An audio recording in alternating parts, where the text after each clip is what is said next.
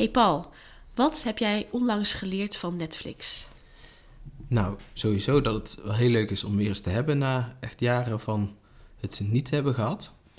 En dat kwam omdat we echt gingen minimaliseren en gingen ook in de camper. Dus we deden alles schrappen. Ik heb het ook heel lang niet gemist. Totdat jij tijdens de feestdagen zei hey, zullen we weer eens even een Netflix-abootje afsluiten? Gewoon om weer even te checken. En ja, dat was wel heel leuk. Even onszelf uh, verwend met een hoop eigenlijk documentaires natuur, over natuurrampen en, en adventure sports en dat soort dingen. Maar wat ik daar dus van leerde, de afgelopen dagen hebben we een mini-serie documentaire gekeken over een, ja, een kernramp die bijna had plaatsgevonden. Uh, wat net uiteindelijk op 30 minuten tijd voorkomen was geworden. Van als het 30 minuten lang had geduurd om die situatie te beperken, dan, was er gewoon een soort van Chernobyl uh, geweest in Amerika, in Pennsylvania. En wat ik daar weer van leerde, wat me weer heel duidelijk werd, is hoe dat vaak die belangenverstrengeling ervoor zorgt dat uiteindelijk omwille van geld, macht, status, de gemeenschap de dupe is. Dat zie je ook heel goed bij zo'n documentaire over Dupont, hè, over die chemicaliën die ze deden lozen, de PFAS, waar Teflon van gemaakt wordt. Ook zo'nzelfde grote schandaal. En in deze zag je het ook weer zo, zo duidelijk terug. Dat zelfs die hele omgeving op een gegeven moment was eigenlijk tegen dat die kerncentrale daar was en dat die weer opnieuw zou gaan heropenen.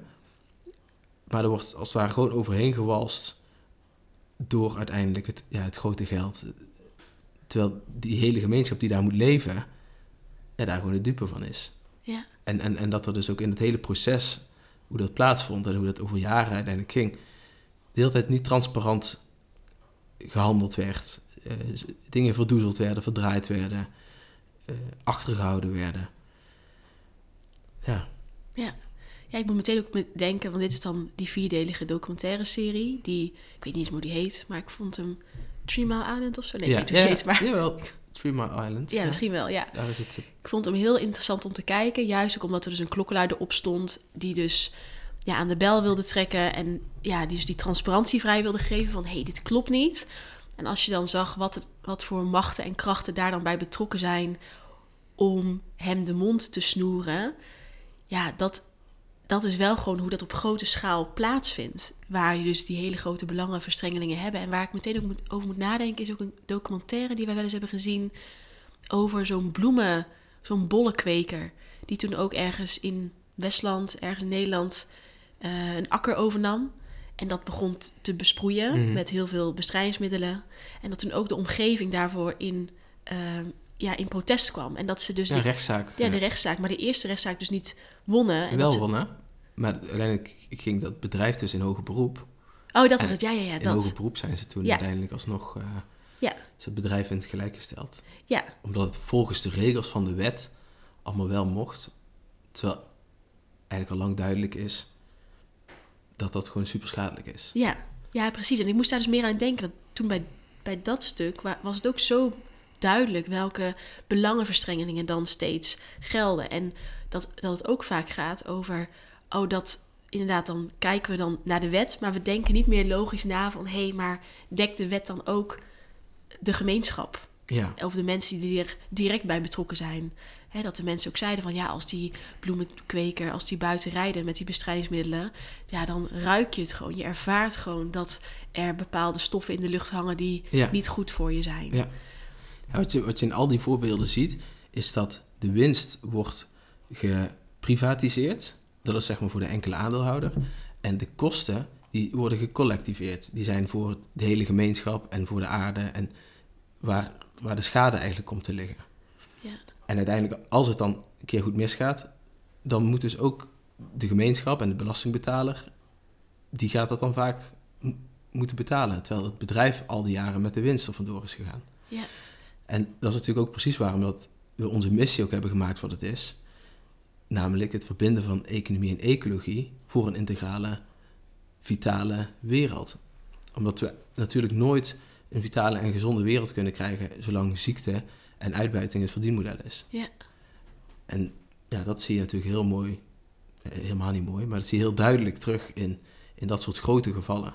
Ja, maar, maar tegelijk als ik dat dan zo hoor, dan denk ik natuurlijk ook wel gewoon aan...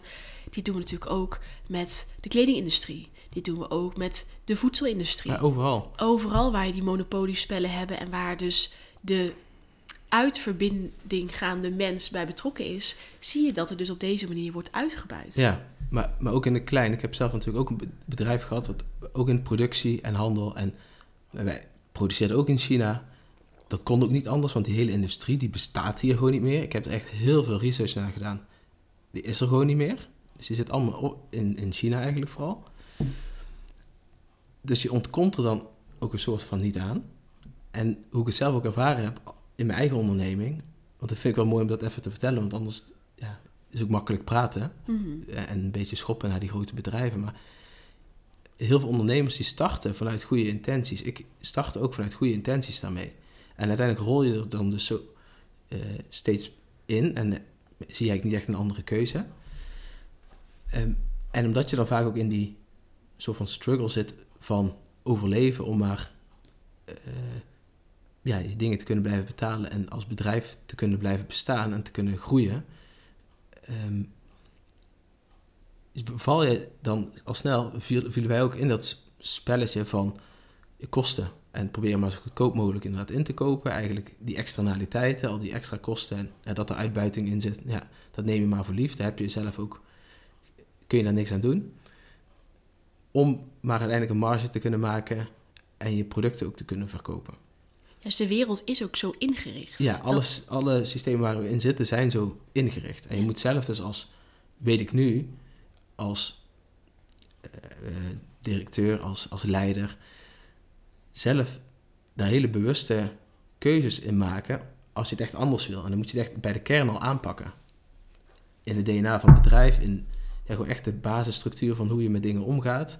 En er dan ook soms voor kiezen, nou oké, dan gaan we dit niet doen op die manier. Ook al kunnen we daar heel veel geld mee verdienen, want dat past niet in onze visie en in ja, het, totale plaatje dient het niet het doel dat we eigenlijk willen dienen. Ja, maar kan je dan ook bijvoorbeeld zeggen, want jij hebt natuurlijk op, op deze manier een bedrijf gehad, je zegt het heel duidelijk van, het begint al bij de kern. Kun je eens wat meer dus licht op die kern schijnen van, wat is die kern dan van een bedrijf? Nou, in de eerste aflevering hebben we het ook gehad over steward ownership. Dat daarin vat je die kern al heel erg samen in de hele DNA en de structuur en de statuten van het bedrijf. Dat is een heel mooi voorbeeld van hoe je die kern ja, zuiverder kan krijgen, waarbij je meer de hele gemeenschap erbij kan betrekken. Maar daarnaast, waar het natuurlijk ook begint, is het team dat je om je heen verzamelt. Waar je op, op dagdagelijkse basis mee samenwerkt waar je je bedrijf mee gaat opbouwen, waar, ja, waar je samenwerking mee aangaat. Dat je echt aanspelers om je heen verzamelt, op alle vlakken van je leven. Ja, ja dus dat, die kern begint daar. Dat is dat zaadje van het bedrijf ook. En ik, als ik gewoon kijk naar ons, naar nu Fields of Being, wij zijn nu ook bezig met samenwerkingen met mensen met wie we samen willen werken, zodat we verder kunnen uitbreiden. Maar dat we toch terugvallen op enerzijds karakter en competenties, maar ook op gedeelde waarden. En niet dat iemand helemaal 100% hetzelfde moet zijn als ons, dat hoeft helemaal niet. Maar we zijn, wel een aantal waarden die we terug willen laten komen, omdat dat is wel waar Fields of Being voor staat. Dus als je bij ons komt werken, dan is het fijn als je daar in ieder geval, nou, als je die waarden ook belangrijk vindt, want dan kunnen we echt samen bouwen. Ja. En dat is ook wel kenmerkend voor bijvoorbeeld A-spelers. Dat ja, A-spelers zijn mensen die je ontmoet op zowel visie als waarde. En we hadden het er gisteren natuurlijk ook over dat, kijk, we, gaan, we zijn nu bezig met het lanceren van ons fellowship. En ja, wij hebben alle twee in best wel veel groepen gezeten de afgelopen jaren. Gewoon in trajecten of in andere communities waar we zelf dan lid van waren en waar we ook geld voor betaalden. En we hadden het er gisteren nog over dat ik mhm. me realiseerde van de meeste communities waar ik de afgelopen jaren in heb gezeten, en jij trouwens ook, dat zijn communities die heel erg gericht waren op de uitkomst. Dus heel erg gericht waren op, oké, we gaan ons bedrijf werken. Dat is een business community. Of we gaan werken aan uh, beter worden in lanceren. We gaan, beter, we gaan hier aan werken. Dus dat het heel erg, was, heel erg gericht was op alleen het resultaat. En natuurlijk ook het proces, helemaal top. Maar heel vaak vond ik niet echt aansluiting met de mensen in die, gemeen, in die gemeenschap, in die community. Ja. Omdat we gewoon heel verschillend waren, verschillende invalshoeken hadden, verschillende perspectieven. Nou, dat is helemaal oké, dat verrijkt ook zeker. Maar ik realiseerde me wel dat het fellowship wat wij nu aan het lanceren zijn en wat in maart gaat starten, dat we daarin ook omdraaien. Dat we juist elkaar ontmoeten op visie en waarde. Dus er is een lange termijn visie. Er is sprake van je wilt als missiegedreven ondernemer bijdragen aan een eerlijkere wereld, een mooiere wereld, een betere wereld van vandaag en morgen. Ja. Dat kan allerlei soorten vormen hebben. Invullingen kan verschillend zijn. Ja, de vorm is altijd anders, de, maar het gaat dus om de kern. Ja. En dat vanuit waarde, jij zegt dan, ja, maar hebben alle mensen in ons fellowship dan dezelfde waarden? Nou, ik denk in essentie dat we elkaar wel ontmoeten op waarden zoals verbinding, transparantie of eerlijkheid, Authenticiteit. authenticiteit, gemeenschap. Dus dat er, ik weet zeker, we kunnen dat sowieso gaan testen. Dat zullen we zeker gaan doen, want in de kompas is, ook een ja, thema. absoluut. Ja, we gaan er flink mee aan de slag. Ehm, maar ik weet zeker dat, dat, we, dat als je onderdeel wordt van het fellowship, dat je elkaar gaat zien op basis van waarden. Dus dan maakt de vorm ook niet meer uit. Dan kan iemand zijn, hè, er kan iemand zijn die misschien een boer is, op, die op een nieuwe manier boert, of op een oude manier, hoe je het wilt zien. Eh, er kan een eh, ondernemer bij zitten die eh, bepaalde planners verkoopt en die op een bepaalde manier daar een visie bij heeft. Er kan Ja. iemand zijn die bezig is met rouwbegeleiding. Dus dat de vorm niet uitmaakt. Ja. Maar dat we in ons hart allemaal dat vuurtje hebben branden van hé, maar ik weet dat het anders kan. En daardoor doe ik wat ik doe. Ja. En ik wil me dus omringen met A-spelers. Ja, precies. Ja, absoluut. Want dat is ook precies wat ik zelf gemist heb eigenlijk al die jaren. Ik ook. Ehm, juist ook, ik zat eigenlijk in een hele ja, oude industrie met heel veel oud denken. En dan ben je zelf heel vernieuwend bezig. Maar dan loop je telkens vast in die oude systemen. In hoe dat de dingen gewend zijn om gedaan te worden. Waardoor als je het dan voorlegt aan iemand, dan wordt het toch al sneller afgebrand of de kop ingedrukt. Dus dan krijgt dat zaadje of dat plantje wat eruit komt niet de volle potentie om te groeien. Of heel vaak, daar heb ik ook heel veel meegemaakt, zeker ook in de, in de topsport, maar ook in het bedrijfsleven. eh, belangenverstrengeling, eh, andere belangen, ook van mensen waar je mee samenwerkt. Waardoor mensen niet de volledige kaarten laten zien, of dus een bepaalde keuze door willen duwen, eigenlijk vanwege een ander belang dan het belang dat eigenlijk het bedrijf op dat moment werkelijk zou dienen. Ja. En die onzuiverheid, die zorgt er ook voor dat je dus nooit zelf helemaal kwetsbaar en open jouw shit of jouw dingen letterlijk op tafel kan leggen. Omdat je nooit weet wat dat betekent voor de ander. Ja. Ook in onderhandelingen met, met samenwerkingspartners. Die fout heb ik heel vaak gemaakt. Door zelf juist heel transparant helemaal te zeggen van... Kijk, zo, zo zit het in elkaar en dit hebben we dan dus eigenlijk nodig. En maakt die andere partij, die maakt daar misbruik van. Dat ze dan weten, oh ja, maar dan kunnen we ze daar nog wat extra afknijpen. Want ze zijn toch afhankelijk van ons, bij wijze van spreken. Precies. En het creëren van een veilige plek waar je dus echt een soort veilige haven waar je kan landen, waar je kan uitademen, waar je elkaar kan ontmoeten, gelijkgestemde A-spelers die ook met soortgelijke issues zitten en allemaal op een andere manier. En de ene misschien in een miljoenenbedrijf en de andere juist als één pitter. Juist daarin samenkomen en elkaar als mens weer zien en elkaar weer op waarde zien. En dat je dus je dingen kan delen zonder die dat er andere belangen zijn, maar dat de mensen echt naar luisteren en vanuit hun meest integere ik daar ook juist, op kunnen reflecteren, een spiegel voor kunnen houden, feedback kunnen geven, gewoon een luisterend oor kunnen zijn. Ja, ik geloof echt dat daar zoveel kracht in zit, dat dan zoveel meer potentie naar boven komt en zoveel meer nou, energie, richting, motivatie aangewakkerd wordt. Ja, daar maak je echt hele grote stappen mee, denk ik.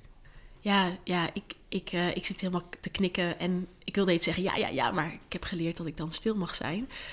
Ja, ik voel deze helemaal en dit is ook precies wat we voor ons zien natuurlijk met het fellowship. En wat je dus net ook zo super mooi beschrijft, omdat we weten hoe uitdagend het is als je dus een bepaalde visie hebt. Ik heb dat ook gehad toen ik diëtist was. Ik liep ook voor op de troepen. Bij elke afslag werd ik ook tien keer de kop ingedrukt of super kritisch bevraagd. En niks is zo irritant als je vanuit een bepaalde onbevangen bevlogenheid je visie achterna holt of bezig bent met je visie. En dat ja, de mensen om je heen. Dus dat kan in zowel zakelijk oogpunt zijn als privé. ehm, die, daar, die dat gaan betwijfelen. Maar ook niet mee kunnen gaan in überhaupt het enthousiasme dat je gewoon echt een vonkje hebt van wow, ik, ik zie het op deze Ja. manier en ik wil het zo doen. En dat is dus ook dat belang van je omringen met A-spelers. En dat, wij zijn er de afgelopen jaren super bewust mee bezig geweest om ja, ook echt te investeren in onze A-spelers, zowel privé als ook zakelijk. Ja. Ook om daar echt tijd en energie in te investeren, voor vrij te maken, omdat we weten, dit zijn echt belangrijke mensen voor ons. En Ja. we willen ons met deze mensen omringen, juist omdat ze ons uitdagen. We dagen elkaar uit, maar we laten elkaar ook in, hun, in, ons, in elkaars waarden. Ja, echt uitdagen tot groei uiteindelijk. Ja, tot groei en ontwikkeling, maar vooral ook tot jezelf Ja. kunnen zijn, moeiteloos jezelf kunnen zijn. En we gunnen dat ook iedereen om je te omringen met A-spelers. Juist ook, en daar wil ik nog even op terugpakken. Bijvoorbeeld als ik kijk naar de Sustainable Athlete Stichting, die we dan een paar jaar geleden hadden opgericht. Als we toen hadden kunnen kiezen voor een fellowship wat wij nu de wereld inslingeren, dan weet ik zeker dat Sustainable Athlete Foundation veel meer ruimte had kunnen innemen in de sport. Hmm. Maar we waren gewoon nog niet opgewassen tegen ja, de starheid Ja. van dat werkveld. Ja. En dat is natuurlijk eigenlijk met, met alle visionairs. We lopen daar allemaal een keer tegenaan. Dat je een visie wilt laten landen, maar dat je eerst bezig moet gaan met draagvlak creëren. En Ja. eh, meer je visie ook wat hè, stapjes terug moet zetten, zodat het meer behapbaar wordt voor andere mensen. Maar dat gaat wel ten koste van de originele spark. Want Ja. eigenlijk willen we dan vijf stappen alvast vooruit zetten. Want nu is dat vlammetje Ja. op zijn... ehm, ja, die heeft net ontvlamd, zeg maar. Ja. absoluut. En als je daarin gedragen wordt en wat steuntjes in je rug ervaart en ook een soort vangnet hebt waarbij je inderdaad eh, terug kan bouncen op het moment dat je inderdaad een tegenslag hebt. Dat is ook letterlijk eigenlijk die veerkracht die daarmee gecreëerd wordt. Ja. Ja. ja, en verder zijn er dus ook nog B-spelers. Dus ik, ik zal het even uitleggen. Ja, ja. Eh, we hebben er hier ook al eerder over geschreven. Maar je hebt dus A, B, C en D-spelers. En dat willen je ook meegeven, lieve luisteraar, voor deze aflevering. A-spelers zijn dus mensen in je privé of zakelijke omgeving... waarmee je matcht op visie en kernwaarden of überhaupt waarden. Dus dat zijn mensen waarbij je bent geweest en dat je denkt... wow, ik voel me helemaal opgeladen. Ook al heb je een hele nacht met elkaar opgetrokken... met allemaal filosofische gesprekken... nog steeds ben je opgeladen. A-spelers geven je ook energie, omdat ze je uitdagen tot groei en ontwikkeling. Ze dagen je uit om het onderstaan van jezelf uit de kant te halen en te gaan staan voor wie je bent. Dan heb je ook B-spelers. En B-spelers zijn de mensen, ja, dat zijn meer de mensen met wie je het gezellig hebt. Ik zie het meer als een soort van vrienden, familie. Het is allemaal een soort van voorspelbaar. Ik zal nooit zeggen dat niemand je in het leven uitdaagt tot groei, want ik geloof wel dat iedereen je iets kan leren. Je kan van iedereen wat leren. Maar B-spelers, ja, daar zit vaak gewoon het, zo'n cadans in. Van oké, we doen altijd dit en we doen het. Is heel voorspelbaar. Dus er zit heel weinig ehm, significante groei en ontwikkeling in. Dat je gewoon weet, oh, ik krijg een eerlijke spiegel. Dat, dat is het vaak niet. Ja, Het is niet gewoon... dat, dat sp- sparkje wat je zegt van je helemaal van aangaat, Nee. die energie wat je nee, bij aanspelers het is gewoon stabiel, prima, chill. Gewoon dat. Dat zijn je B-spelers. Je C-spelers zijn mensen die niet per se matchen op visie en waarde, maar je kan wel wat van ze leren omdat ze gewoon heel verschillend zijn. Dus ze hebben bijvoorbeeld een bepaalde skill of ze hebben bepaalde karaktereigenschappen waarvan je weet, wow, dit, dit wil ik ook leren of ik wil hier ook iets mee. Maar in de basis stroomt het eigenlijk niet met C-spelers. Dus dat maakt ook vaak, omdat het niet matcht op kernwaarden of op überhaupt op waarden, dat je met C-spelers, dat het soms even een beetje moeizaam loopt. Ja, omdat het gewoon, ja, je hebt eigenlijk niet zo heel veel te delen met elkaar. En D-spelers, dat zijn eh, de mensen die niet matchen op gezelligheid, niet matchen op visie en ook niet matchen op waarde. Dus ja, D-spelers, het is goed om even daar zicht op te krijgen. En wat we dus ook mee willen geven voor deze aflevering, is dus ook, kun je voor jezelf ja, je A-spelers benoemen? En wat kun je dan vandaag nog doen om misschien ja, een A-speler te laten weten dat je diegene waardeert? Dat je diegene ziet, dat je dankbaar Ja, bent mooi. dat diegene in je omgeving is. Hè, dan zou ik echt ja, willen, je daarin willen aanmoedigen. Want soms nemen we onze relaties ook voor lief. Terwijl als we heel duidelijk weten wat, wie onze A-spelers zijn, dan zijn we ook bereid om daar echt een extra kilometer voor te lopen. Ja. Extra moeite voor te doen. Ehm, stad en land af te reizen om samen te kunnen zijn. Nou, wie zijn je B-spelers? Is ook fijn om te weten. Vaak hebben de mensen de meeste B-spelers in de pool. Maar je wil je dus het liefst omringen met A-spelers. En ook met een aantal B-spelers. Dus ook goed om te weten wie zijn dan je C- en je D-spelers. En met C'tjes en D'tjes, vooral met D'tjes, nou, die zou je misschien sowieso wat minder tijd voor vrij willen maken. Misschien doe je dat al. En voor C-spelers geldt, ja, die brengen je wel iets. Maar het is ook goed om te weten wie dat dan zijn. Zodat je niet al je energie daarin stopt om het werkbaar te maken. Misschien is het gewoon goed om je dan te richten op de A- en B-spelers. Ja, precies. En het is gewoon een mooi bewustwordingsproces. Want uiteindelijk het leven leef je ook gewoon en gebeurt ook gewoon. En dat doe je natuurlijk juist ook met iedereen. Maar hiervan bewustzijn maakt wel dat je daar bepaalde keuzes in maakt die juist wel het verschil maken. Ja, want ik ben ook niet zo dogmatisch dat ik denk... oh, iedereen is een hokje. Oh, er komt weer een A-speler binnen. En nu niet, niet zo. Maar het is soms fijn om heel even gewoon de balans op te Ja. maken. Van, hé, hey, waar gaat mijn energie naartoe? Met wie breng ik de meeste tijd door? Waar wil ik naartoe? Dus ook weer je innerlijk Ja. kompas erbij te pakken. En zeker dus als je op missie bent. En Ja. zeker als je een visie hebt. En als je wil dat je ja, slagkracht toeneemt... Precies. dan zijn die A-spelers gewoon heel erg belangrijk. Precies. En zeker als je dus in een bepaald vaarwater zit waarin je weet... hé, hey, ik wil hier meer uithalen... Ja. dan zou ik zeggen, oké, krijg je A-spelers helder. Ja. En, en, en investeer daarin. Ja. Ja, love it. Nou, dankjewel voor het luisteren, lieve luisteraar. We hopen dat je iets kunt met deze podcast, met deze radioaflevering. Dankjewel Paul voor dit gesprek. Jij ook.